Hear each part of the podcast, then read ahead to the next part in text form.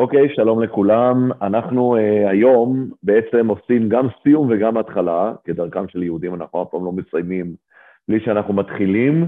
אנחנו נסיים את מלכים א' ונתחיל את מלכים ב', אבל אתם לא תשימו לב שעשינו את זה. זה אחד מהסיומים וההתחלות היחידים הבולטים בתנ"ך, שלא שמים לב אליהם. בואו בוא נראה. אנחנו נמצאים בסוף מלכים א', אנחנו נמצאים בפרק כ"ב, פסוק נ"ב. שבוע שעבר למדנו על יהושפט, וכעת אנחנו חוזרים לרצף למלכי ישראל. אנחנו מגיעים לאחזיה, הבן של אחאב. אחזיהו בן אחאב, מלך על ישראל, עוד פעם אני קורא פסוק נ"ב, אחזיהו בן אחאב, מלך על ישראל בשומרון, בשנת 17 ליהושפט מלך יהודה, וימלוך על ישראל שנתיים. והיה שרה בעיני השם וילד בדרך אביו ובדרך אמו ובדרך ירבעם בנבט אשר החטיא את ישראל. אני שנייה נעשה כאן מיוט לכולם. אשר החטיא את ישראל, ויעבוד את הבעל וישתחווה לו, ויחס את השם אלוהי ישראל ככל אשר עשה אביו. ויפצע מואב בישראל אחרי מות אחאב, ויפול אחזיה בעד הסבכה בעלייתו אשר בשומרון, ויחל, ויסלק מלאכים ויאמר עליהם, לכו דרשו בבעל זבוב אלוהי עקרון, אם אחיה מחולי זה. זאת אומרת, אם אתם שמים לב, סיימנו ספר ופתחנו ספר, ככה בתוך רצף של סיפור אחד, מה שמאוד ברור, שחתכו את הספר במקום הלא נכון. עכשיו זה סתם, זה, זה מעניין היסטורית, כי החלוקה הזאת היא כבר שייכת לתרגום 70, אה, וכנראה שהחלוקה הזאת הייתה מסיבות טכניות ולא מסיבות מהותיות. שהרי אנחנו מכירים ספרים שמחולקים לשתיים למרות שבמסורה היהודית הם לא מחולקים, כמו שמואל א' ושמואל ב', ושם אה, החלוקה היא באמת אה, הגיונית. כי שמואל א' זה דוד לפני מלכותו, ושמואל ב' זה דוד אחרי מלכותו, כאשר המאורע שחותך את שני הספרים הללו בשמואל זה מותו של שאול, כאשר באמת הדרך אה, מתפנה לדוד אה, מיד בתחילת שמואל ב'. פה ממש אין היגיון בחלוקה. אני חושב שההיגיון היחידי בחלוקה פה הוא הפסוק הפותח בפרק א', פסוק א', ויפצע מואב בישראל אחרי מות אחאב, שהפסוק הזה בעצם מתחבר לפסוק שיופיע בפרק ג'. שבפרק ג' אנחנו יכולים לראות אה, פרק ג' פסוק ה', כמובן במלכים ב' כתוב, ויהי כמות אחאב ויפצע מלך מואב בישראל, ואז אנחנו רואים, יש שם סיפור שלם על המלחמה מול מואב. אז המרידה הזאת של מואב כנראה מסתמנת כמאורע המשמעותי שפותח את מלכים ב', שמתקשר גם לאיזשהו סיפור המשך, ויכול להיות שמסיבה זו, בחלוקה של תרגום 70, וכמובן גם אחר כך חלוקה נוצרית, בחרו לפתוח את מלכים ב' בפסוק הזה, ויפשע מואב בישראל אחרי מות אחאב, למרות שעוד פעם אני אומר, אין לזה שום משמעות באמת. המשמעות היחידה היא שיש כאן ספר שנחתך אפילו באמצע פרשה, זה פרשייה שלמה. הפרשייה של אחזיהו ממש באמצע עניין, ללא קשר, נחתכת באמצע. אז אנחנו כמובן לא צריכים לחגוג פה סיום, את הסיום בעזרת השם נחגוג אה, כשנגיע לסוף אה, ספר מלכים, אבל בואו נדבר לגופו של עניין. אחאב מת, אנחנו יודעים שאחאב הוא מלך ש... אה, את דמותו גם אה, לפני שתי שיעורים, היה לו צדדים אה, טובים וצדדים פחות טובים, הצדדים הפחות טובים היו הרבה יותר משמעותיים בדמותו של אחאב, אבל אנחנו ראינו לאורך כל הדרך שהדמות של אחאב הייתה דמות שבלבלה אותנו. כי היה לו כל מיני כתבים באישיות שלו, מצד אחד דאגה כנה ועמוקה לכלל ישראל, ומצד שני אנחנו רואים מרידה בקדוש ברוך הוא, וזה קצת מבלבל אותנו, והוא מת מוות הירואי. כאן אנחנו רואים אצל אחזיה, שזה כבר הדור השני, אנחנו רואים שקודם כל הוא מולך מעט מאוד זמן, שנתיים. אנחנו ראינו כבר מלכים לפני כן שמלכו אה, מועד קצר, וזה בדרך כלל, אגב, מגיע אצל מלכים שהם האחרונים בשושלת שלהם. נגיד אנחנו רואים את זה אצל אה, הבן של בעשתה, אלה בן בעשתה, גם מלך ממש בקצרה, שנתיים, או שלוש שנים, אה, שנתיים, שנתיים הוא מלך. אנחנו רואים אצל אה, נדב בן אה, אה, רחבעם, אמנם הוא לא סוף אה, שושלת בכלל, אבל הוא גם הלך באופן מאוד מאוד קצר. לאורך ספר מלכים אנחנו נפגוש עוד מלכים שמלכו ממש תקופות קצרות, זה, בדרך כלל סימן לזה שהוא מלך לא טוב. עכשיו, כאן אנחנו רואים, כתוב, ויעש הרע בעיני השם וילך בדרך אביו ובדרך אמו ובדרך ירובעם בנבט. אנחנו רואים פה ממש, אה, הוא מקבל ציון לגנאי, ציון משמעותי, ויעבוד את הבעל וישתחווה לו ויחפוש את השם אלוהי ישראל ככל אשר עשה אביו. עכשיו אנחנו נגלה, ולאורך כל הקטע, ואנחנו נלמד את זה עד סוף פרק א' פה, כל הזמן מה שצריך לעמוד בעינינו זה שאחזיה היה רשע. אחאב גם היה רשע, אבל אצל אחאב מצאנו צדדים טובים. אצל אחזיה לא נמצא צדדים טובים. הוא מקבל צינו, ציון לגנאי מוחלט. אני אומר, אם אחאב הצליח במשך פרקים ארוכים לבלבל אותנו, אחזיה בכלל לא מבלבל אותנו. ולכן כל הזמן שאנחנו לומדים על אחזיה, אנחנו נצטרך להשוות אותו לאחאב כדי לראות כמה הוא באמת היה רע. אז אנחנו רואים קודם כל, באמת בפסוק שפותח את מלכים ב', ויפקע מואב בישראל אחרי אה, מות אחאב. מה המשמעות פה? המשמעות פה שאנחנו למדנו שאחאב באמת, עם מותו, יש, עם ישראל אמנם מפסיד לארם, אבל זו לא תבוסה נוראית. אנחנו יודעים שעם ישראל שב בשלום לביתו, אבל זה מראה שהמערכת מתחילה להתרופף. אנחנו דיברנו על כל ההישגים המדיניים, ההישגים הכלכליים שהיו לאחאב, גם ליוספת למדנו, כאשר הוא שיתף פעולה איתו. כרגע אנחנו רואים שאותה תקופת שיא של אחאב ויוספת, אנחנו הולכים עכשיו לקראת תקופה של צמצום. תקופה של צמצום שתימשך הרבה הרבה זמן, אנחנו נפגוש תקופה דומה שוב פעם, בעוד יותר ממאה שנה, בתקופה של ירובעם ועוזיהו. עוזיהו מלך יהודה וירובעם השני מלך ישראל, שהוא היה מאחרוני שושלת יהוא, שם אנחנו גם נראה שיש איזשהו מצב של עוצמה מדינית, עוצמה גיאוגרפית של התרחבות שתהיה באותה תקופה, אבל כעת אנחנו נפרדים מתקופה של שפע. אנחנו יודעים שתמיד ההיסטוריה היהודית הולכת בגלים, עליות ומורדות, אז אם היה איזשהו שיא מאוד גדול בימי שלמה ואחר כך הייתה ירידה, אנחנו חווים עוד פעם את השיא הזה בימי אחאב ויהושפט, וכעת הדרדור מתחיל. זה אנחנו צריכים להבין. בספר מלכים, ב', אנחנו נכנסים לתקופה של דרדור. אז כאן המרד של מואב מסמל כבר את ההתרופפות אה, אצל אה, העמים הנשלטים על ידי עם ישראל. ויפצע מואב בישראל אחרי מות מואב. מה הדבר הבא שקורה? ויפול אחזיה בעד הצלחה בעלייתו אשר בשומרון, ויחל, הוא נפל מה, אה, אה, מקומה גבוהה, צמחה אה, זה סוג של, כמו שאנחנו קוראים היום, סוג של מעקה מסורג מעץ, והוא נופל דרכו, שזה דבר, אה, זה לא, זה לכאורה דבר בלתי צפוי, פתאומי, ויחל, וישלח מלאכים ויאמר עליהם, לכו דרשו בבעל זבוב אלוהי עקרון, אם יחיה מחולי זה. וכאן השאלה שצריכה להעסיק אותנו, הרי אנחנו רואים לפני כן שהחטא הגדול שלו זה שהוא עובד את הבעל, ויעבוד את הבעל וישתחווה לו. אז למה הוא שולח לאלוהי עקרון? לא מספיק לו הבעל? הבעל לכאורה אמור לספק אותו, הוא הדת, הדת הרשמית במלכות ישראל בתקופה זו זה הבעל, נו. אז שישאל את הבעל למה הוא הולך לשאול את בעל זבוב אלוהי עקרון. עכשיו סתם צריך לשים לב, לכולם, רוב האנשים כאן מכירים את בעל זבוב מה, אה, מהמקור הספרותי של בעל זבוב, נכון? הספר המפורסם, אבל אתם צריכים לשים לב שבעל זבוב, הספר, אני לא יודע איך אומרים את זה באנגלית, בעל זבוב, אוקיי, אני לא שמעתי באוזבב, אני מניח. אז אה, הוא הפך כבר... לא, בלזבוב. בלזבוב. בלזבוב, אוקיי, אוקיי. אז בכל מקרה, הספר ההוא, שמי שקרא אותו באמת אה, מתאר את אותה קבוצת ילדים שמגיעה לאי, ולאט לאט האי מתדרדר לכאוס. אה, אז הספר ההוא בעצם יושב על איזשהו דמון נוצרי, בתרבות הנוצרית, בעל זבוב הפך לאיזשהו סמל דמוני, כאוטי, אה, שטני, אה, אבל זה כבר איזשהו גלגול הרבה יותר מאוחר.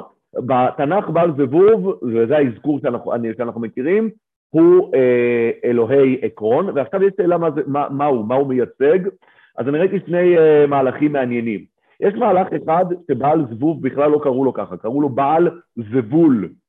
זבול בשפה אה, שאנחנו מכירים, הכוונה היא היכל גדול, אנחנו יודעים שזה אחד גם מהשמות שמדברים עליהם, מי שלמד בדף היומי במסכת חגיגה לאחרונה, היא ראה שזה אחד מהמשתנות, מהיכולות העליונים, נקרא זבול, נכון? יש שבעה היכלות, אחד מהם נקרא זבול. נכון, גם בית המקדש נקרא בית זבול, זבול בית מקדשנו, נכון? זה היכל. אז השם האמיתי שלו היה בעל זבול, האלוה, האלוהים השוכן בהיכל הגדול, אבל התנ"ך, כדי לבזות את האלוהים, קרא לו בעל זבוב. זה אגב, זה מופיע הרבה פעמים, אנחנו יודעים לדוגמה, שכל השמות, אה, בעיקר של משפחת אה, שאול, נגיד מפיבושת ועוד, כאשר אנחנו פוגשים אותם בספר דברי הימים, הוא נקרא מפיבעל, או ירובעל, או כל מיני שמות עם סיומת בעל, בספר שמואל הם הפכו מהמילה בעל למילה בושת. זאת אומרת שיש איזשהו מנהג של התנ"ך לקחת שמות של אלוהים אחרים ולשבש אותם באופן גנאי כדי לבזות אותם, ולכן גם פה בעל זבוב, הכוונה היא בעל זבול. אני ראיתי עוד פירוש מעניין, שבעל זבוב הכוונה היא שהוא היה אל שעסק בנושא של המוות. הזבובים מייצגים את המוות, את הרימה, את הריקבון, וכאשר מישהו נמצא במצב של חולי קשה, במצב מוות, הוא צריך ללכת ולרצות את אלוהי המוות, ולתת לו איזושהי מנחה לדרוס בו כדי שירפה ממנו. וזו הייתה המטרה של אה, אחזיה פה. אבל יש כאן עוד נקודה שאני חושב שתחזור על עצמה, שהיא תיתן לנו איזשהו מבט להסתכלות פגאנית ואלילית. אנחנו מגיעים מתוך תפיסה מונותאיסטית, אז אנחנו מבינים שיש אל אחד. אל אחד הוא אל שמנהל את הכל ואת כל הזירות כולן, מהדגן והתבואה והפריון ומזג האוויר וביטחון וכלכלה והכל. אבל בתוך התפיסה האלילית צריך לשים לב שיש אה, תפיסה של פנתיאון אלים. זאת אומרת, גם בן אדם שמאמין בבעל, הוא לא מאמין שהבעל הוא אל אחד. הוא לוקח אותו כאל דומיננטי, שהוא מוכן ל- ל- ל- לקחת אותו כדמות, כדמות אלילית משמעותית. אבל אתה עדיין מכיר באלוהים אחרים. זה שלוחה הרבה... של הבעל. זה יכול להיות שלוחה של הבעל, זה יכול להיות לא. מישהו, זה יכול להיות מישהו שמטפל באיזשהו אזור שהבעל לא מטפל בו, אבל ה- ה- ה- הדבר הזה צריך, צריך לשים לב שיש אה, בין, אה, בין המונותאיזם לבין אמונה באל, באל אחר, יש גם איזשהו מצב באמצע, צריך לשים לב, של אמונה במגו... במכלול של אלים, וזה היה מאוד מאוד מקובל אה, בעולם הפגאני, ולכן כאן כשהוא הולך לדרוש בבע... באלוהי עקרון, הוא לא בוגד בבעל. הוא, יש כאן איזושהי פנייה נוספת לעוד אלילים, זה חלק מהתפיסה האלילית. עכשיו, אנחנו נפגוש כאן את התפיסה האלילית של החזייה, לא רק בסיפור פה, אנחנו נראה גם עוד דברים. אגב, זה דבר מעניין, כן. אחרי מה שקרה בזמן אליהו עם הבעל, אולי שהם עוד לא סומכים כל כך על הבעל. לא, אבל לכן בשביל זה אני קראתי בפסוק, בפסוק האחרון של מלכים א', ויעבוד את הבעל, וישתחווה לו, אנחנו רואים שהוא ממשיך לעבוד את הבעל. אז אם הוא ממשיך לעבוד את הבעל, הבעל דומיננטי, זה, זה מצוין בעבירות שלו. אז הבעל הוא רלוונטי והוא דומיננטי, אבל הוא עדיין הולך ובוחר במישהו אחר. עכשיו יש כאן סתם דבר מעניין שאנחנו צריכים לשים לב, הרי יש רופאים, בתנ"ך יש רופאים, אנחנו יודעים, למדנו בפרשת משפטים רק צוותו ייתן אה, ורפו ירפא. אנחנו רואים אצל עשה, אגב, צריך לשים לב, עשה, המלך עשה, כתוב שכשהוא היה חולה, הוא דרש ברופאים, וזה היה חטא שהוא דרש ברופאים. כן, זה מופיע בדברי הימים, אה, אם אתם רוצים אני אמצא לכם את זה, אה, בסוף ימי עשה כתוב כביקורת עליו, הנה, ואני קורא בדברי הימים ב', פסוק, אה, פרק ט"ז, פסוק י"ב.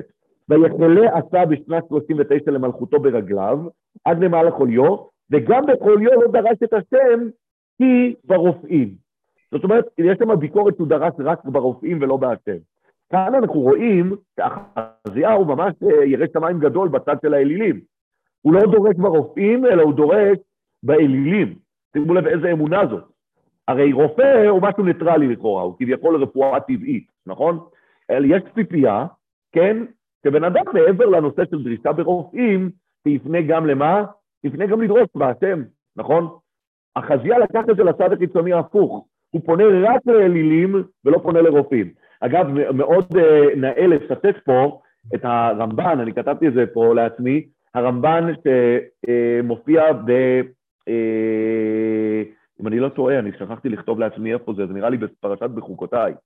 אז הוא אומר, הוא אומר ככה, הרמב"ן אומר, אה, הכלל, כי בהיות ישראל שלמים והם רבים, לא יתנהג עניינם בטבע כלל, לא בגופם ולא בארצם, הם לא נוהגים על פי הטבע.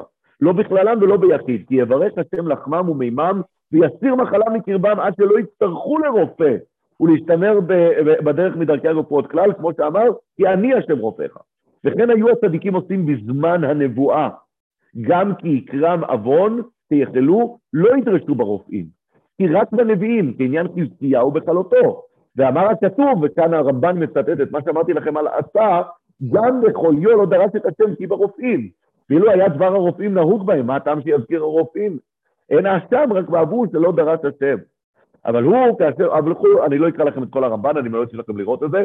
הרמב"ן אומר שבזמן הנבואה, האנשים, הדרישה מהם הייתה לפנות לנביאים לפני שפונים לרופאים. היום כמובן זה לא רלוונטי, היום חייבים ללכת לרופאים, כמובן.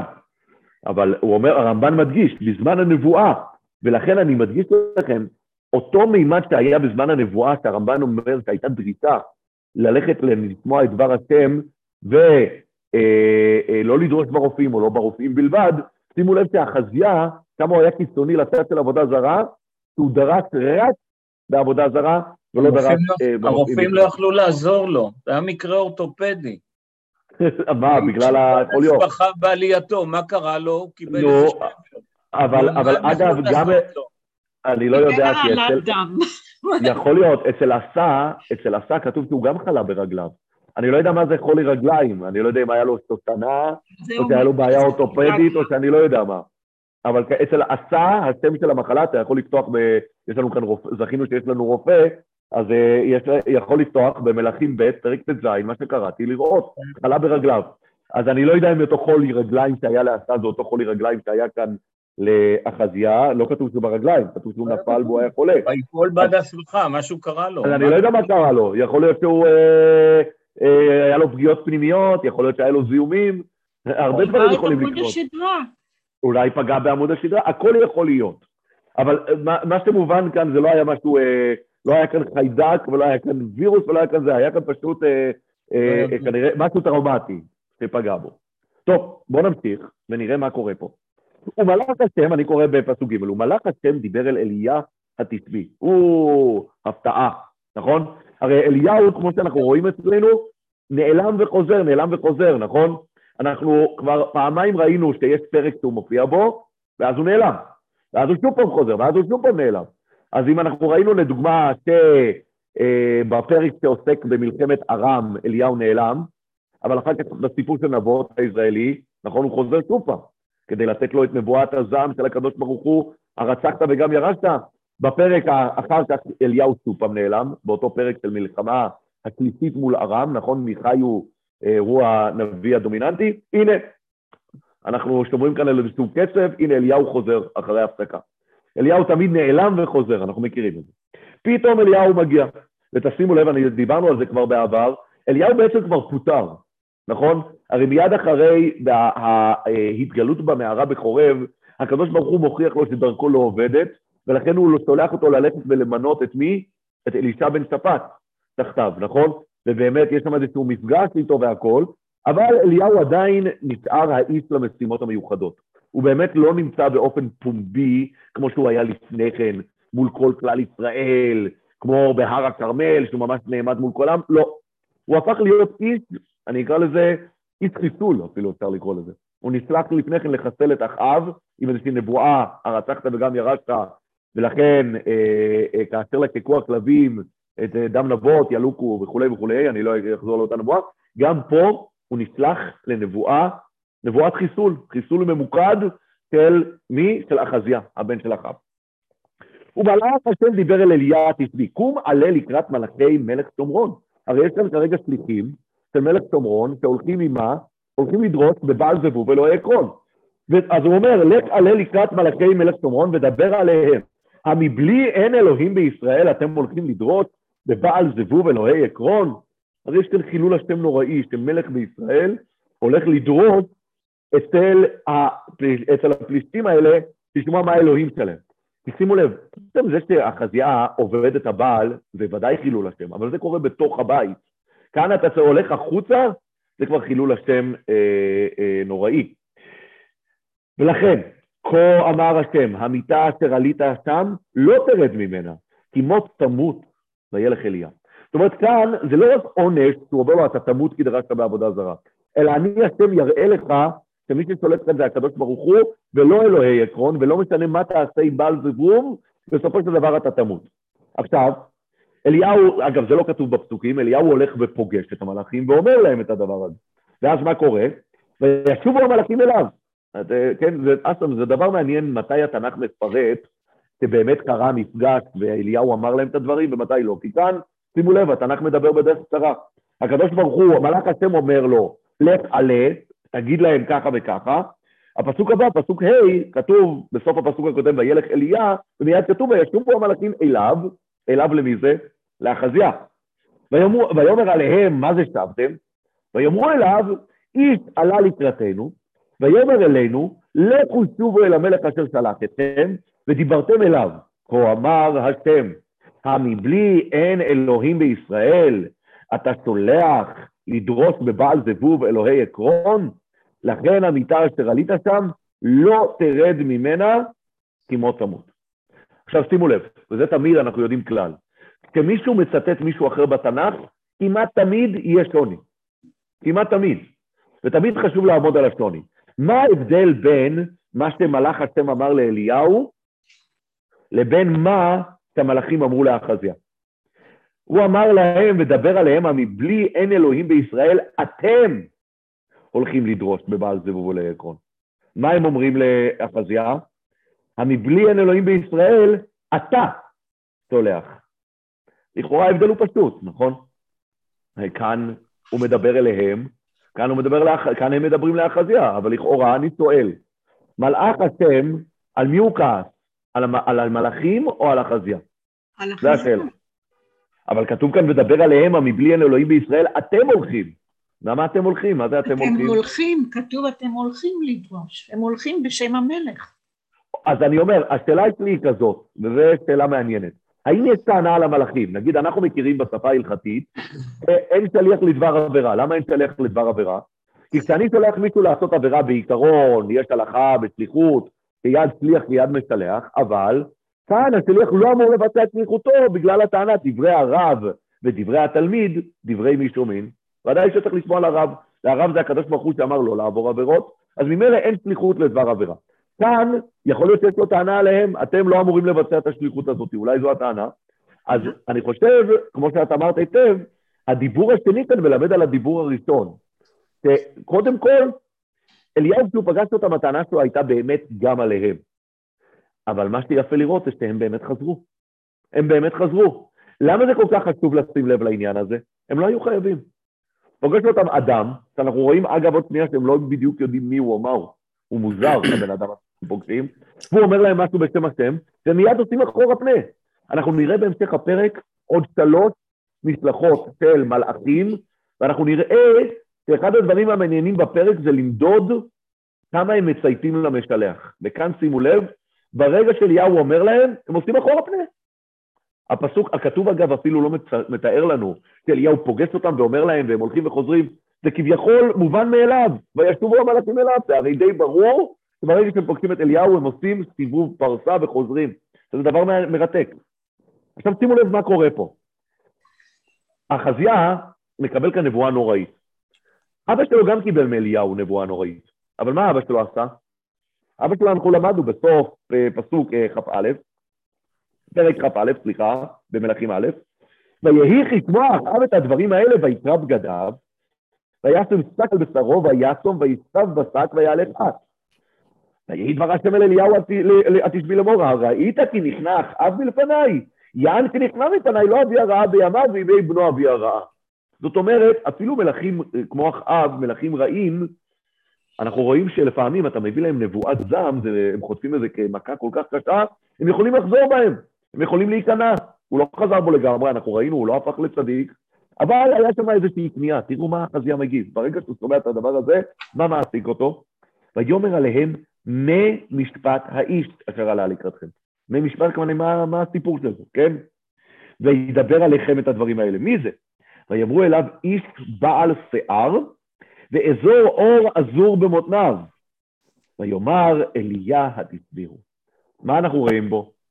קודם כל, אנחנו רואים שהוא לא היה מוכר כל כך, אבל חזיה ודאי הכיר אותו. כי אליהו בבית המלוכה היה דמות דומיננטית, הוא היה דמות שעיצבה הרבה ממה שקרה שם.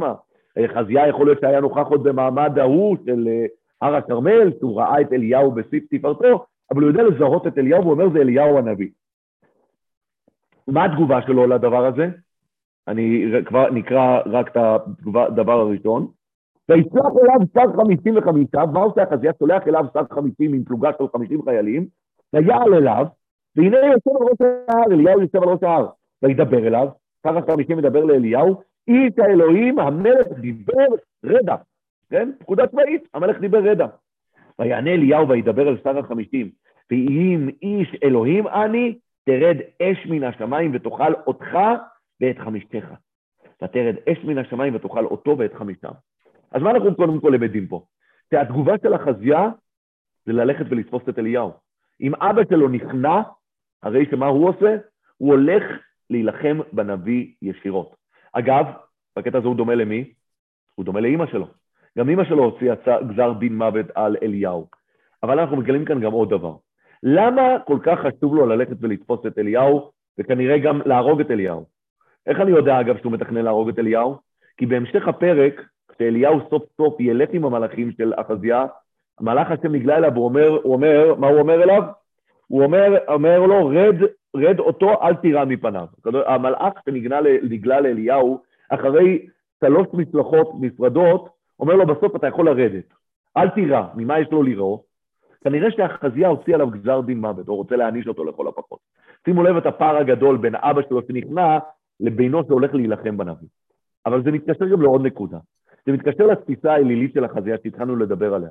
בתפיסה האלילית, הנביא שולט על הנבואה. אנחנו למדנו את זה כבר בפרק הקודם. כשמיכאי הוא מגיע, מה אומר המלך עליו? אומר המלך עליו, לא, אה, אה, ויאמר מלך ישראל אל יהושפט, כל איש אחד לדרוש את השם מאותו ואני נתיב, כי לא יתנבא עליי טוב, כי אם רע מקרא היו בן נמלה. זאת אומרת, יש איזושהי אמונה שהנביא שולט על הנבואה. הוא זה שמעצב אותה, ואם אתה הורג את הנביא, אז אתה יכול לעצור את הנבואה. וזו תפיסה אלילית. בתפיסה האלילית, הנביא הוא השולט על הנבואה. אנחנו נראה שהתפיסה הזאת, אגב, לאור, בספר מלכים ב', בחלק הראשון אנחנו נתמודד איתה עוד כמה פעמים. אחד המקומות המפורסמים זה עם שר צבא אה, ארם, נעמן ואלישע.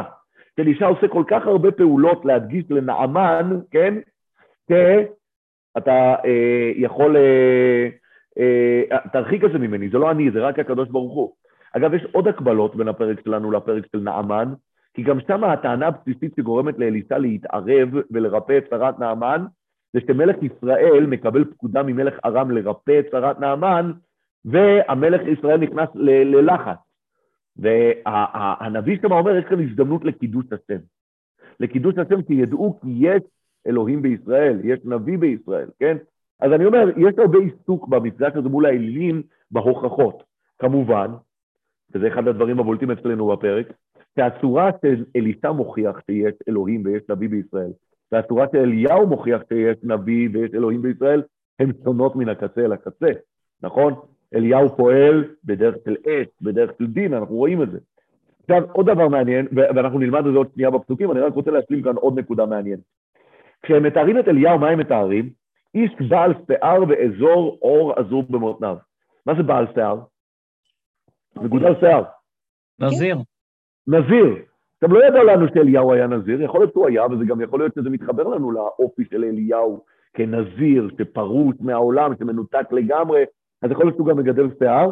יש עוד uh, דעה שאני ראיתי פה, שהאדרת שיער, שהשיער הזה זה הכוונה אדרת שיער. זה לא שיער מגודל, אלא סוג של מעיל עם שיער. אנחנו יודעים שלאליהו יש אדרת, נכון? אדרת אליהו.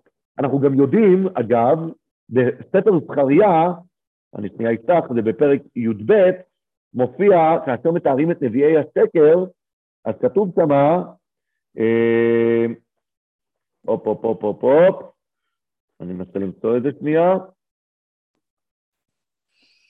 הנה, והיה ביום ההוא, אני קורא בזכריה, פרק י"ג, פסוק ד', והיה ביום ההוא יבושו הנביאים איש מחזיונו בהנבאותו, ולא ילבשו אדרת שיער למען כחש. זאת אומרת שנביא שרצה להתחפש לנביא אמת, היה לובש אדרת שיער, אוקיי? אגב, גם אצל שמואל הנביא, כשהוא עולה באוב אצל האישה, היא אומרת שהוא ראתה איש עם מעיל. זאת אומרת, זה הזיהוי שלו, ושאול מבין שזה שמואל, כי היה להם איזשהו בגד מיוחד. אז יכול להיות שגם פה, לאליהו היה איזשהו בגד מאוד אופייני לנביאים, שדרכו אה, היה אפשר לזהות אותו. והיה- ובואו עכשיו בואו בואו ניכנס כאן למשא ומתן של אליהו מול שרי החמישים. אז החזייה מוציא באמת על אליהו איזשהו גזר דין, אנחנו לא יודעים מהו הגזר דין, אולי ענישה, מוות, לא יודעים מה בדיוק, וככה כתוב. וישלח אליו שר חמישים וחמישיו, זאת אומרת, ביחד עם החיילים שלו, ויעל אליו, והנה יושב על ראש ההר, אליהו יושב בראש ההר, אתם יודעים, מנותק, שם למעלה בהר, וידבר אליו אל איש האלוהים המלך דיבר רדע. כן, זו חוצפה. הוא בא אליו ואומר לו, הוא קורא לו איש האלוהים מצד אחד, ואז הוא אומר, המלך דיבר רדע. יש כאן גם איזושהי תפיסת היררכיה. אמנם אתה איש אלוהים, אבל המלך יותר חשוב. המלך דיבר רדע, אז אתה צריך ליישר קו עם המלך. ויענה אליהו וידבר אל שר החמישים, ואם איש אלוהים אני, תרד אש מן השמיים ותאכל אותך ואת חמישך. ותרד אש מן השמיים ותאכל אותו ואת חמישיו. מיד מוריד אש. ועוד פעם, שאליהו צריך להוכיח שהקדוש ברוך הוא, הוא האלוהים, הוא משתמש באש, כמו שהוא במעמד הכרמל, ככה הוא עושה גם פה. והדבר המרתק הוא, שכל זה קורה אחרי שהקדוש ברוך הוא אמר לו בחורב, לא באש, נכון? לא באש השם. מאיפה השם מופיע? בכל דממה דקה. עדיין אליהו משתמש באש בשביל להגיע, להנכיח את הקדוש ברוך הוא בעולם. בואו נמשיך. וישב וישלח אליו שר חמישים אחר, וחמישיו. ויען וידבר אליו איש האלוהים, כה אמר המלך, מהרה רדע. הוא עוד יותר חצוף מהראשון, הראשון אמר לו, המלך אמר רדע, הוא אמר, מהרה רדע, תזדרז לרדת. ויען אליה, וידבר עליהם, אם איש האלוהים אני, תרד אש מן השמיים. רגע, איבדתי את זה, תרד אש, תרד אש אלוהים מן השמיים, ותאכל אותך ואת ו- רגע, רגע, התבלבלתי. ויען אליה וידבר אל- אליהם, אם איש אלוהים אני, תרד אש מן השמיים ותאכל אותך ואת חמישך. ותרד אש אלוהים מן השמיים, ותאכל אותו ואת חמישיו. וישב וישלח שר חמישים שלישים, כן? תחתיים פניים שלישים, תעשה שלישים, וחמישיו. ויעל ויבוא שר החמישים השלישי, ויכרע על ברכיו לנגד אליהו, ויתחנן אליו, וידבר אליו, איש האלוהים, תיכרנה נפשי בנפש עבדיך אלה חמישים בעיניך. הנה ירדה אש מן השמיים ותאכל את שני שרי החמישים הראשונים ואת חמישיהם, ואתה תיכר נפשי בעיניך.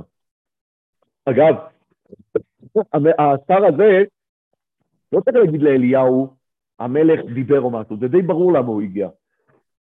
אליהו יודע למה הוא הגיע, הוא יודע שאליהו יודע למה הוא הגיע, אבל הוא, או שהוא היה יותר ירא שמיים מהקודמים, או שהוא היה פחדן יותר מהקודמים, אני לא יודע, אבל הוא כבר מבין שהוא לא רוצה להסתבך עם אליהו, ולכן הוא נופל על ברכיו, הוא אומר פעמיים, תיכר נפשי בעיניך, תיכר נפשי בעיניך, כן? שימו לב מה קורה. וידבר מלאך השם אל אליהו, רד אותו, רד אותו, אל תירא מפניו. דיברנו על זה. מה זה אל תירא? אליהו מבין שאם המלאכים אה, מגיעים פלוגה של 50 איש לאסוף את אליהו, זה כנראה שיש כאן איזו מטרה ללכת ולהעניש אותו. אז המלאך אומר לו, אתה לא צריך לראות, אתה יכול לרדת. ויקום וירד אותו אל המלך. אוקיי? ועכשיו אני רוצה שנשים לב לעוד משהו. ש... שנייה אחת. אליהו הוא לא זה שנענה לו. אליהו הוא לא זה שמגיע ואומר לו, אתה צודק, אני מרחם עליך, אז uh, אני לא, לא, לא יוריד אש מן השמיים. המלאך צריך להתערב ולומר לו את זה, אוקיי? שזה דבר uh, uh, מעניין. כי זה שוב פעם מלמד אותנו שמידת אליהו היא מידת הדין. המלאך צריך להתערב. אגב, אני רואה כאן איזשהו סוג של רפרנס ל... ל... עקדת יצחק. כביכול עוד רגע קט יהיה כאן מוות, ואז מלאך השם מן השמיים מתחיל, אה, לדבר, מתחיל לדבר. אני שנייה צריך לעשות כאן הפסקה, פשוט יש כאן ריח של אש בבית, אני שנייה בודק משהו, אני מתנצל. אוקיי, ושלא נשרף לך שום דבר. נעלם.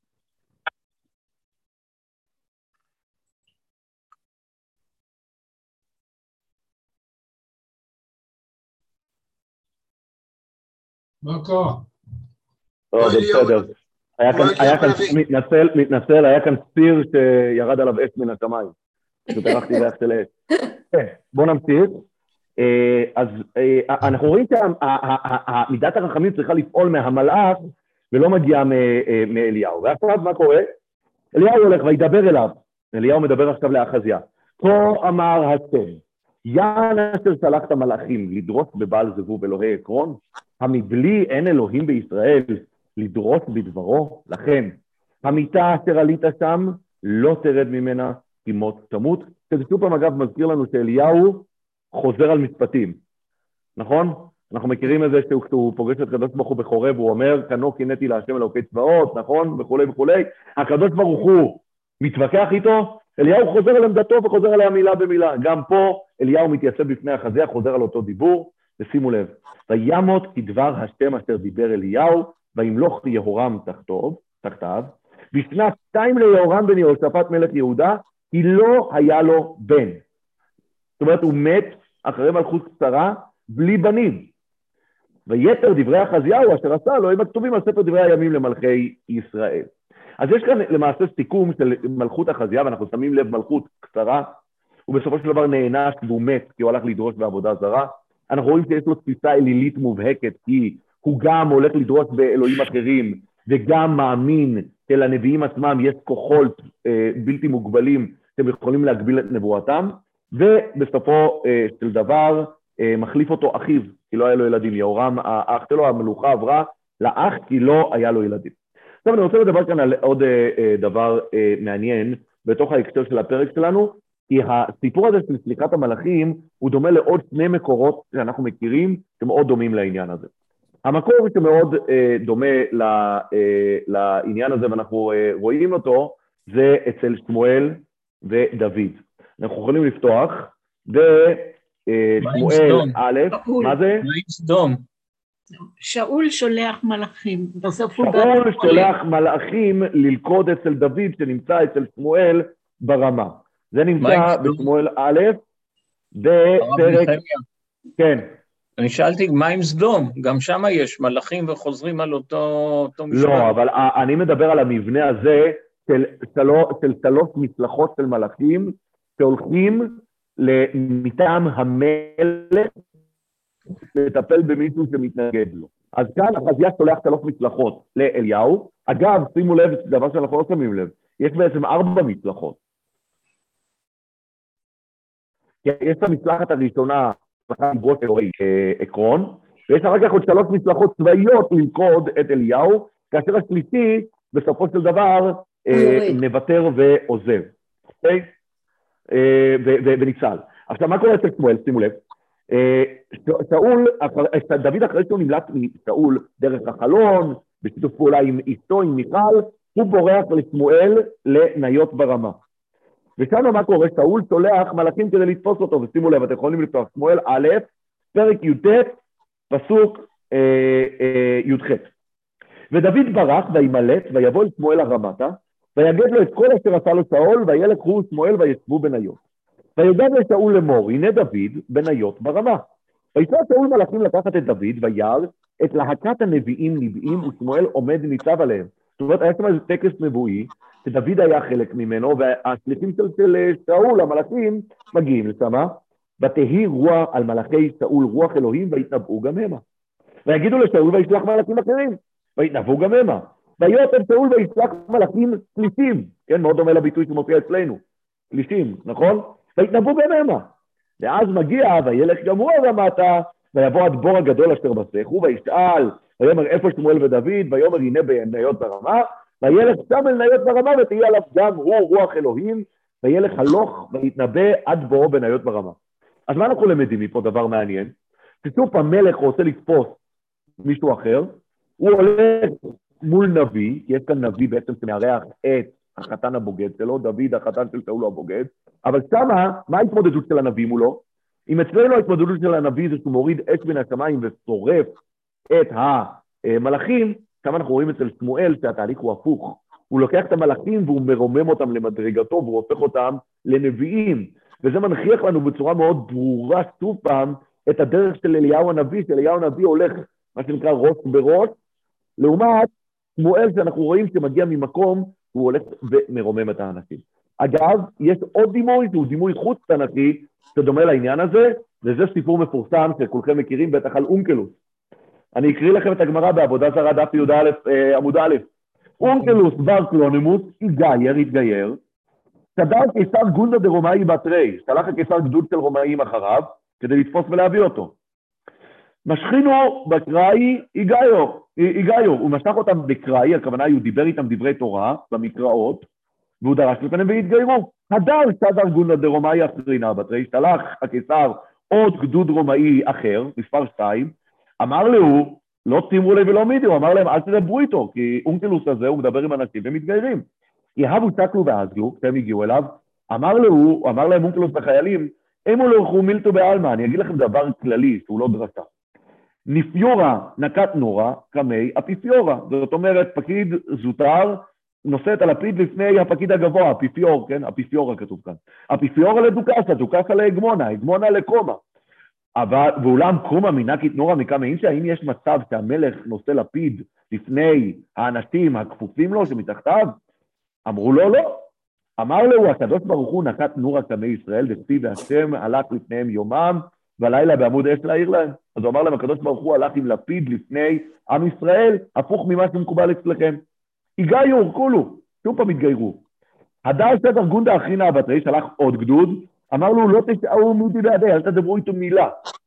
כן, קינקתי לו ואזליק, כשהם הוציאו אותו, חזה מזוזתא, הוא ראה מזוזה, הוציב ידי עליהו, הניח יד על המזוזה, והוא אמר להם, מהי היי? אמרו לי, אימא לנת. הוא הצליח לסקרן אותם, הוא שאל אותם מה זה הדבר הזה על הפתח. הם אמרו, תגיד לנו, מה זה? אז הוא אמר להם, מנהגו של עולם מלך בשר אדם יוצא מבפנים, שעבדיו משמרים אותו מבחוץ, ואילו הקדוש ברוך הוא, עבדיו מבפנים, והוא משמרן מבחוץ, שנאמר, השם ישמור צאתך ובואך מעתה ועד עולם. היגיו, הוא לא שדר בתרי, הקיסר לא שלח להם כלום. אנחנו רואים שתי דוגמאות של אותו מצב, של הקיסר, ששולח להביא מישהו שהלך נגדו. אונקלוס היה האחיין של הקיסר. מחלוקת אם זה היה טיטוס או אדריאנוס, מי היה בדיוק הקיסר הספציפי שמה, אבל בפעם, אנחנו רואים שלוש פעמים. בשתיים מן הפעמים אנחנו רואים שהדרך להתמודדות מול המלאכים היא לא לשרוף אותם. שמואל הנביא מצליח לגרום להם להתנבאות, ואונקלוס הגר מצליח לגרום להם להתגייר דרך זה שהוא מרומם את, ומראה להם את היופי והעוצמה של הקדוש ברוך הוא. ואני אומר, העוצמה של הקדוש ברוך הוא יכולה לבוא לידי ביטוי בדברים היפהפיים שאונקלוס מדבר. פעם אחת הוא מציג להם את התורה. התורה עצמה מושכת. הרי זה היה גם פרויקט חייו של אונקלוס, להאהיב את התורה על עם ישראל. זה מה שהוא עשה עם התרגום שלו, הוא הנגיש את התורה לעם ישראל. זה משעשע אותי שתוך כדי שאני מדבר איתכם, אני קראתי, אני אה, צילמתי לעצמי את הפרק הזה, את, ה, אה, את הקטע הזה של אונקלוס, אני קורא יחד עם פירוש שטיינזלץ, כן? אנחנו רגילים היום שיש שטיינזלץ, יש שוטנשטיין, יש אנשים שלקחו את זה כפרויקט חייהם להנגיש את התורה לכלל ישראל. היום אונקלוס, אנחנו לא מבינים שזה מה שהוא עשה לפני אה, אלפיים שנה. הוא זה שבמאה הראשונה לספירה לקח ותרגם אגב, אני, אני, אני חושב שבני הדת תימנו עד היום קוראים תרגום בצמוד לקריאת התורה. זה היה, אנחנו רואים את זה בגמרא, זה היה מאוד מקובל.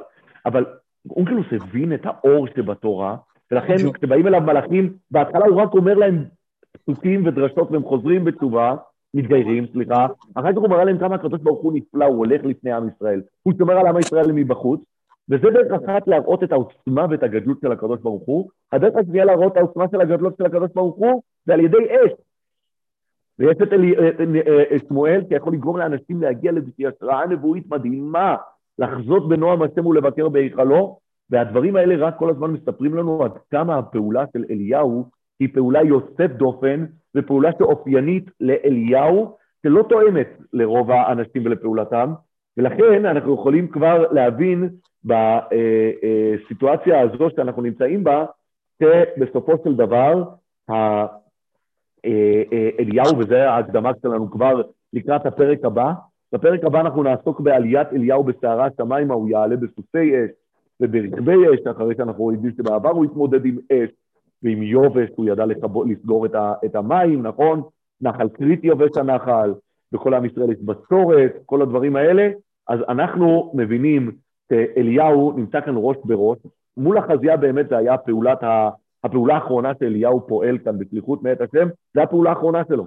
פרק הבא אנחנו נעסוק באליהו, אבל לא בשליחותו מאת השם לתקן את העולם, אלא זה כבר יהיה פרק פרידה מאליהו, כי באמת המדרגה הזאת של אליהו היא מדרגה שאי אפשר להתמודד איתה, וזה הקושי שיש כאן אצל אה, אליהו אה, אה, מול אה, המציאות הקשה הזאת שהוא מתמודד איתה, אה, אבל על זאת ועוד בעזרת השם אנחנו נלמד בשבוע הבא. תודה לכולכם.